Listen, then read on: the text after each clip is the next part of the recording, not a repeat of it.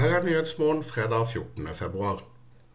En studie ved Veterinærhøgskolen har avdekket hvor viktig mønstringsløp og tidlig start med kaldblodtestene er for rasen. Studien viser klare sammenhenger mellom tidlig start, karriere, innkjørte penger og holdbarhet. Mer om det på nettsiden. Torsdag var tre av Øystein Tjomslands årgangstopper ute i årets første hurtigarbeid. Tjomsland er klar til å rulle ut arsenalet og melder at Grislodin, GL, Havglimt og Nordsjøodin alle så fine ut, og at Bjerke 28. mars er årets første mål. Flere testet ut VM4-spill på sprangstevlene sprangstevnene under Norwegian Horse Festivals eh, første dag torsdag.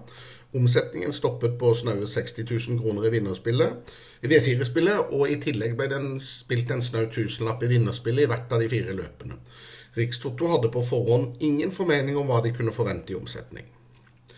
Ikke mindre enn åtte hopper fra samme oppdretter er solgt ut av landet og til Sverige. De har ventet å reise til sitt nye hjemland i løpet av de neste dagene.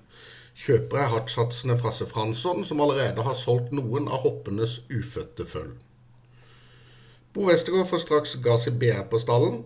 Der skal millionæren matches for storløpene her hjemme. I et intervju i dag forteller han hvilke løp som er målet for Nils, Nils Munkhaugens elitehest.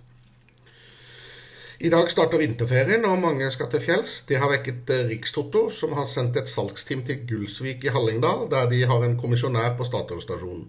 Der skal turistene fredag minnes om å spille på hest. De norske kaldblodsene som skal starte i Vincennes, er kommet fram. Det skjedde sent torsdag kveld etter en del dramatikk eh, på den siste delen av reisa.